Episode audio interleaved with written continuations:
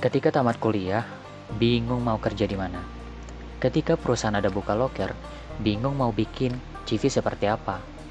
Ketika lamaran dimasukkan, gak dipanggil-panggil, bahkan sampai puluhan kali melamar, ke mana pun sempat stres dan bertanya ke diri sendiri, aplikasi lamaran saya salahnya di mana, apa kekurangannya.